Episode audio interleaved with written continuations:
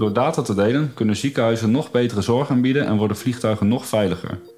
Maar strikte wetgeving maakt datadelen vaak lastig. Gelukkig zijn er initiatieven die veilig en privacyvriendelijk datadelen mogelijk maken. Mijn naam is Sjoerd Hartelt, redacteur bij Eigen Connect en in de podcast Toekomstmuziek praten we hierbij over de meest interessante technologische ontwikkelingen.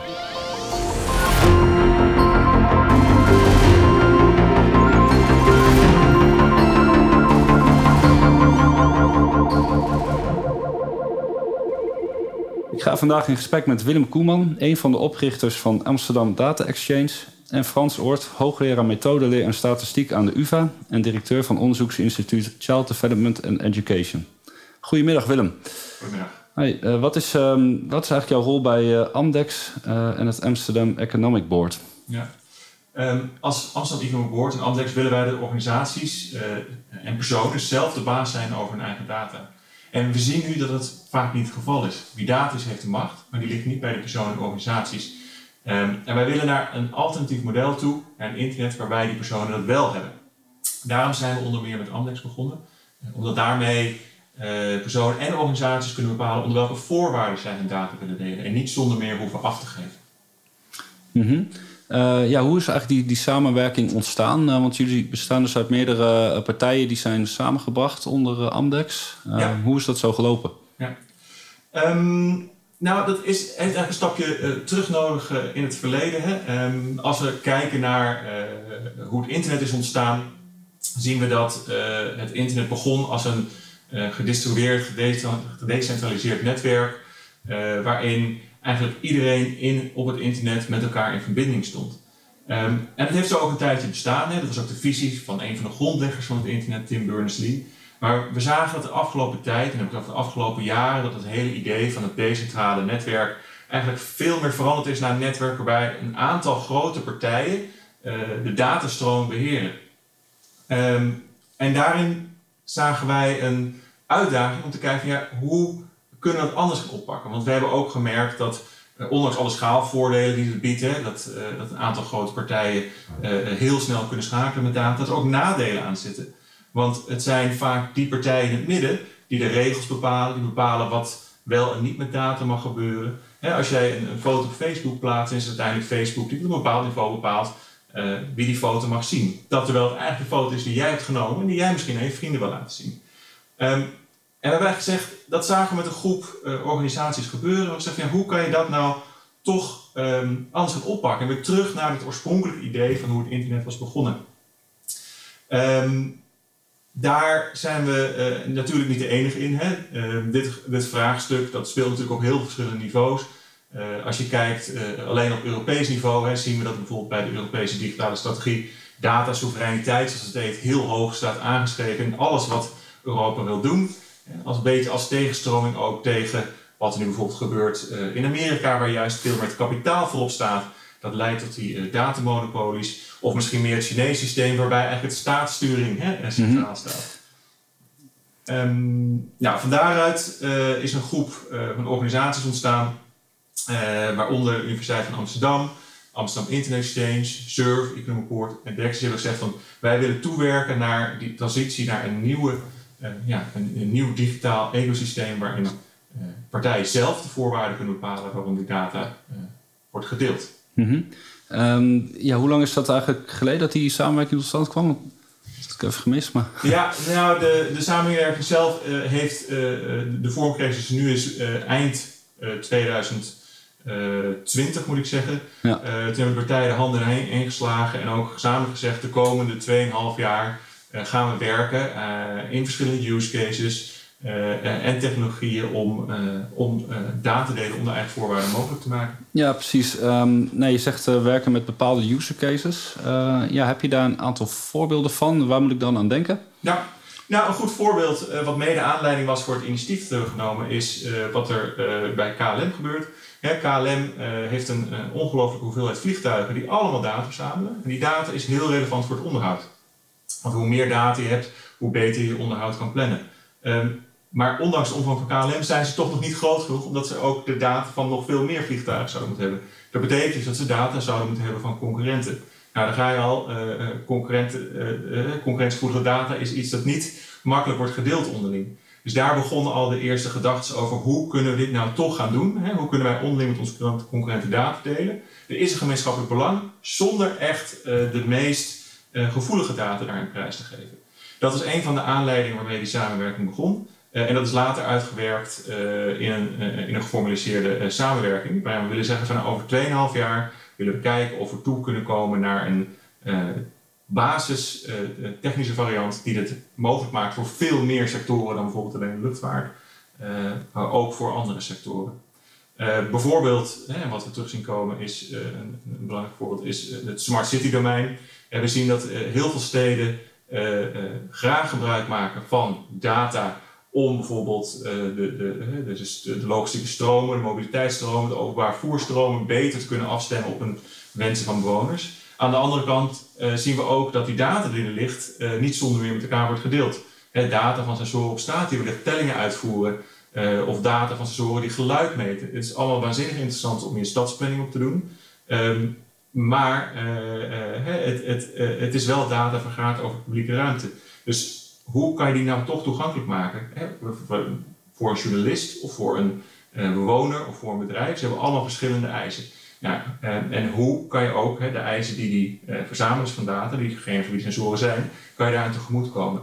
Nou, daarin kijken hoe kan een data exchange principe, waar wederom een gedeeld belang is, we willen met z'n allen die steden slimmer, groener en gezonder maken, maar toch de spanning met, met de privacy, hoe kunnen we daar een goede balans in vinden en toch die mhm. data met elkaar uh, ja, dus het uh, zijn cases die variëren van uh, ja, een KLM tot aan uh, nou ja, smart cities, dus iets van gemeente, de overheid, moet ik aan denken. Um, wat zijn nou de technische uitdagingen rondom dit soort projecten? Um, want jullie ontwikkelen dan een manier om die data wel veilig te delen. Ja, hoe zou dat eruit kunnen zien? Ja. Ja, het zijn eigenlijk twee grote vragen. je begon net al met van om, om Amdex om zo'n data exchange te laten slagen, hebben we enerzijds, no enerzijds nodig dat we anders kijken hoe we met datadelen omgaan. Dus die, uh, visie op hoe we eigenlijk willen dat onze digitale economie werkt. Dus dat is een grote transitie van we moeten uh, toch een alternatief systeem zien te bedenken voor monopolies.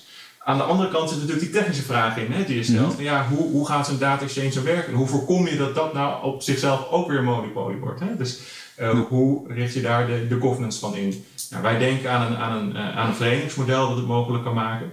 Uh, maar ook andere vragen die er leven is, ja, hoe, hoe zet je nou de afspraken die jij en ik maken om in eigenlijk digitale contracten, waar iedereen zich dan aan gaat houden op het moment dat data wordt gedeeld. Um, en zo zijn er een aantal grote vragen die enerzijds zitten op we moeten een verandering doormaken met z'n allen. de, de grote transitievraag en de technische vraag. Uh, waar wij uh, met een ander project aan werken. Ja. Um, ja, Frans, wil ik eigenlijk even naar jou. Um, ja, uh, jij werkt dus aan een van de user cases. zou je kunnen uitleggen wat jouw rol daar precies bij is en nou, welke case je eigenlijk werkt? Ja, ik kwam met Amdex in aanraking, ehm, nou, op de manier die net door Willem is geschetst. En ik zag daarin een oplossing voor een probleem waar de universiteiten mee worstelen. In de universitaire wereld is een enorme roep om open science, ook door de overheid gesteund en deels gefinancierd, ook de Europese overheid, iedereen die werkt eraan mee. En de druk erop is enorm. En dat heeft ook enorme voordelen voor de voortgang van de wetenschap en ook een beetje principieel. Universiteiten worden met publiek geld gefinancierd, dus eigenlijk zouden we alles wat wij verzamelen ook publiek toegankelijk willen maken. Uh, dat zijn redenen om het wel te doen, maar er zijn een enorme reeks van bezwaren om het niet te doen. Dat zijn voor deels zijn het juridische bezwaren, het zijn soevereiniteitsbezwaren. Um, het zijn allemaal dingen die eigenlijk bij die andere voorbeelden Willem ook al heeft genoemd. Eigenaarschap van data is uh, niet duidelijk. Daardoor kan je copyright niet goed delen, uh, niet goed regelen. Wat je wel kunt doen, dat is de toegang tot de data reguleren. En als die op een Amdex-manier, wij spreken van de Research Data Exchange als een klein onderdeeltje van Amdex, speciaal voor research data, onderzoeksdata, dan zou dat helpen. Uh, waar we ook mee te maken hebben, zelf werk ik bij een onderzoeksinstituut dat onderzoek doet naar kinderen. Kinderen waar iets mis mee is, die uh, zitten in het justitiële circuit of die hebben gezondheidsproblemen.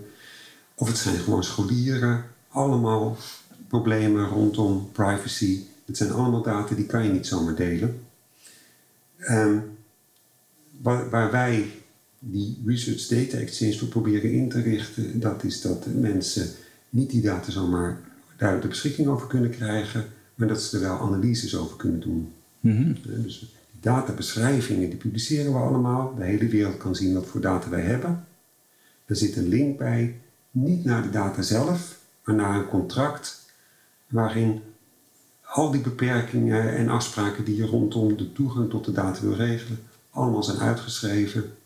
En alleen als je ermee akkoord gaat, krijg je toegang tot de data. En als het ongevaarlijke data zijn, geanonimiseerd, dan kunnen ze die misschien wel gewoon downloaden. Mhm. Maar een heleboel data zijn niet echt goed te anonimiseren. En dan regelen we dat ze het niet mogen downloaden, maar wel statistische analyses over kunnen doen. En dan op zo'n manier dat het over grote datasets gezamenlijk gaat. Hè? Niet alleen de UvA doet dat, Mhm. maar we zouden willen dat alle universiteiten hier aan meedoen, zodat je die analyses kan doen over grote hoeveelheden verzamelde datasets. Is het dan ook eh, niet mogelijk om die data te downloaden? Of is het een afspraak eh, daarvoor? Dat, dat vroeg me nog af. maar- Nou, dat is precies het punt waar Willem ook al aanraakt. Eh, in twee vormen. Ongevaarlijke data zouden ze dan mogen downloaden, maar ze moeten zich wel aan de beperkingen houden van doelbinding, van Mhm. wat er via informed consent is afgesproken. En meer gevoelige data, daar mogen ze wel analyses over doen, maar ze mogen niet die data zelf krijgen. Nou, dat is een wat grotere technische uitdaging. Daar hebben we ook al werkende voorbeelden van, wordt ook allemaal geïmplementeerd. Maar de grootste uitdaging zit erin, dat is, je kan die afspraken wel maken, maar om ervoor te zorgen dat ze zich er ook aan houden, dat is ook mogelijk om dat te automatiseren en op een technische manier af te dwingen. En daar is een onderzoeksgroep, eh, onder andere van de Universiteit van Amsterdam, die ook daaraan werkt. Ook binnen Amdex trouwens? Dat, zijn, dat is dezelfde groep onderzoekers Ja. die ook eh, verbonden is aan Amdex. De, de Kees de Laat is het hoofd daarvan. Ja. Maar het is een grotere groep van onderzoekers die daaraan werkt. En zelf werken wij nou samen met Surf, die ook de pilot aan het Ja, maken is. ik ben benieuwd, ehm, want eh, je werkt dus met eh, eh, de data van nou ja, de sociaal-pedagogische ontwikkeling van kinderen. Ehm, wat Ja. kun je ermee wanneer die data wel mag worden uitgewisseld? Ehm, of, ik weet niet in hoe, hoeveel Ja, jullie ook al zijn ermee. Ja, het zou enorm kunnen helpen. Er zijn heel veel onderzoeksinstituten die dit soort onderzoeksvragen onderzoeken. Eh, dat gaat vaak eh, met gefinancierde projecten, die hebben een beperkte looptijd. Die dataverzameling die kan niet al te lang lopen. En vaak zijn die datasets eerlijk gezegd gewoon te klein om daar op een goede, betrouwbare en valide manier statistische analyses over te doen. Als je nou eh, elders in de wereld andere onderzoekers hebt die met vergelijkbare operationalisaties, vergelijkbare methoden, vergelijkbare vragen onderzoeken, dan zou je die data allemaal samen kunnen voegen, waardoor je wel voldoende data hebt om op een betrouwbare en valide manier die onderzoeksvragen te beantwoorden. Dus eh, er, kunnen eigenlijk, er kan eigenlijk simpelweg gezegd eh, meer onderzoek eh, ja, worden uitgevoerd. Onderzoek wat eerst dus niet mogelijk was, begrijp ik. Ja, ook Ja. omdat we vaak in een veel te laat stadium erachter komen dat er ergens anders in de wereld Ja. vergelijkbaar onderzoek wordt gedaan. Dus daar is het ook een oplossing voor. En omdat het allemaal gecompartimenteerd is, waardoor je eigenlijk eh, nou, Ja. via meta-analyse kan je ook achteraf iets doen. Maar het zou veel sterker zijn als je de data zelf zou kunnen analyseren. Mhm.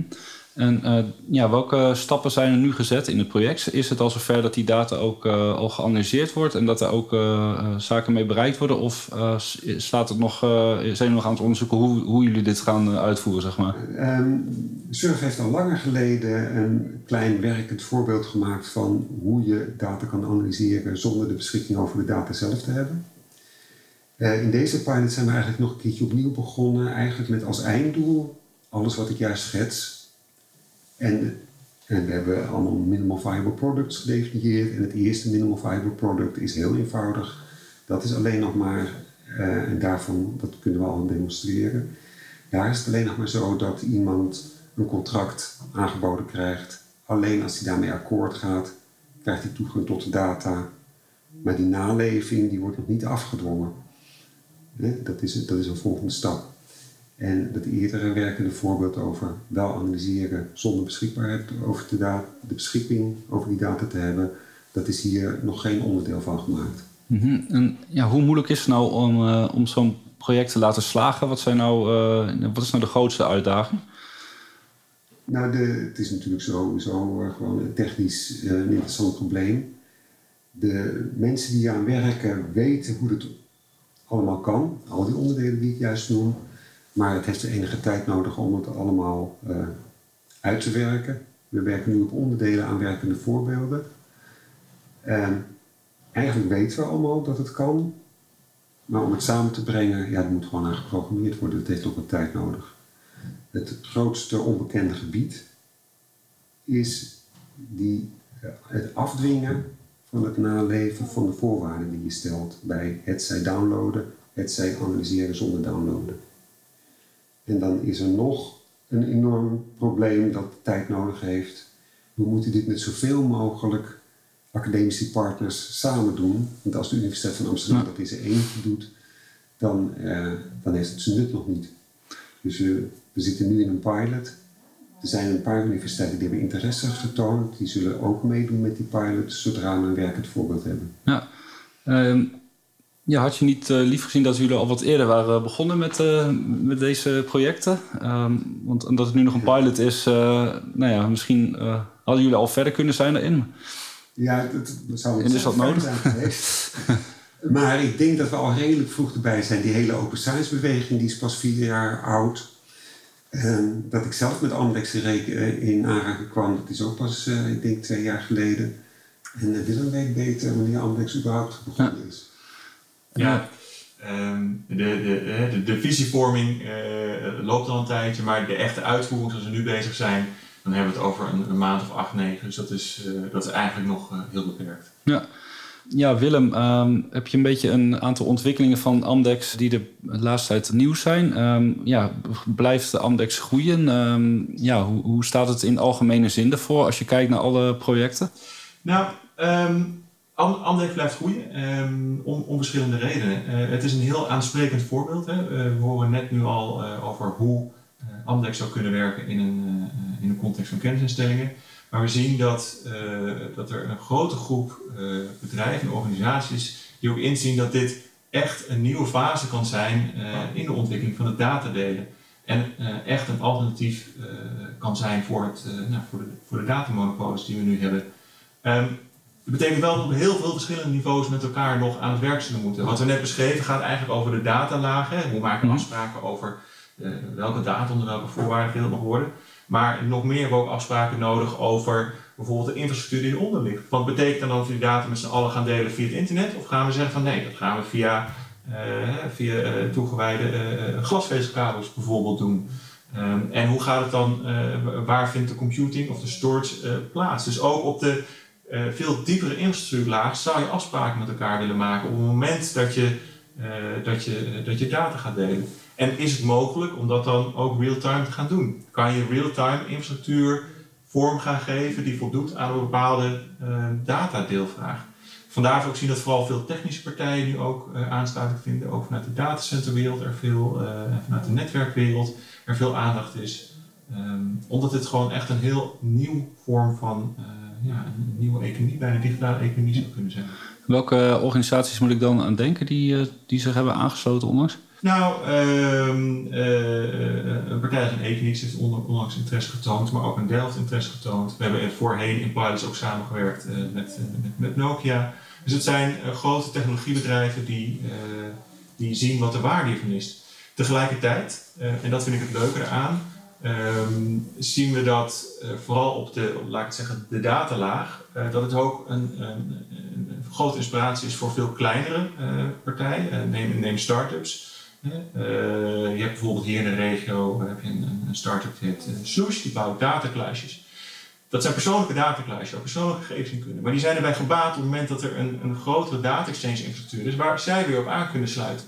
Dus je ziet ook dat voor dat soort partijen je een, uh, een soort wenkend perspectief aan het bieden bent. Van hey, jullie zijn bezig met het ontwikkelen van een, een, een eigen business. En wat wij doen, kan jullie daarbij helpen. Da de persoonlijke data ontsluiten op voorwaarden van degene voor wie zo'n datakluisje is. Uh, en zo zijn er ook allerlei andere initiatieven, anonimiseringsdiensten, startups die daar nog bezig zijn. Uh, synthetic data, noem het maar op. Ja. Ehm, ja, waar ben je nou echt trots op als je kijkt naar wat er nu bereikt is? Ehm, wat vind je nou echt het, het mooiste resultaat tot nu toe? dat is een hele goede vraag. Het is ook een gewetensvraag, dus daar, ja. daar kiezen. Nou, ik vind, kijk, waar ik nu in eerste instantie trots op ben, is dat we hier, en dan spreek ik eventjes vanuit mijn positie van Amsterdam Economic Board, dat we dit in Amsterdam op poten weten te krijgen. We zien dat in, in de regio waar, waar, waar ik voor werk, dat vooral digitaal er ongelooflijk veel kennis is, ongelooflijk veel bedrijvigheid is, maar ook de kennis om, um, om na te denken over alternatieve digitale modellen. En dat is, uh, dat is toch best wel uniek. Ik zie nog vrij weinig voorbeelden waarin zowel kennisinstellingen als bedrijven als overheden de handen ineens slaan om zo'n soort Amdex-achtige structuur op poot te gaan zetten. Vaak is het één van die drie loten die een initiatief neemt, maar nooit uh, die gezamenlijkheid. En dat maakt het voor mij echt uniek. Ja. Hoe ziet de, de, komende tijd eruit? Um, ja, want er gaat natuurlijk van alles nog gebeuren. Um, ja, wat, wat staat zo in de planning voor Amdex? waar kijk je naar uit? Ja, cases. we zullen gewoon echt veel meer hands-on ervaring nog op moeten doen. hoe werkt zo'n zo'n data exchange nou verschillende cases? we zullen ook veel meer partijen nog met partijen in gesprek moeten gaan over ja, hoe beheer je nou zo'n data exchange? Hoe ziet nou zo'n governance model eruit? Ik heb eerder gezegd, hè, we denken aan een vereniging. Nou, dat is gestoeld op hoe nu bijvoorbeeld de Amsterdam Internet Exchange werkt. Dat is een van de grootste internetknooppunten ter wereld.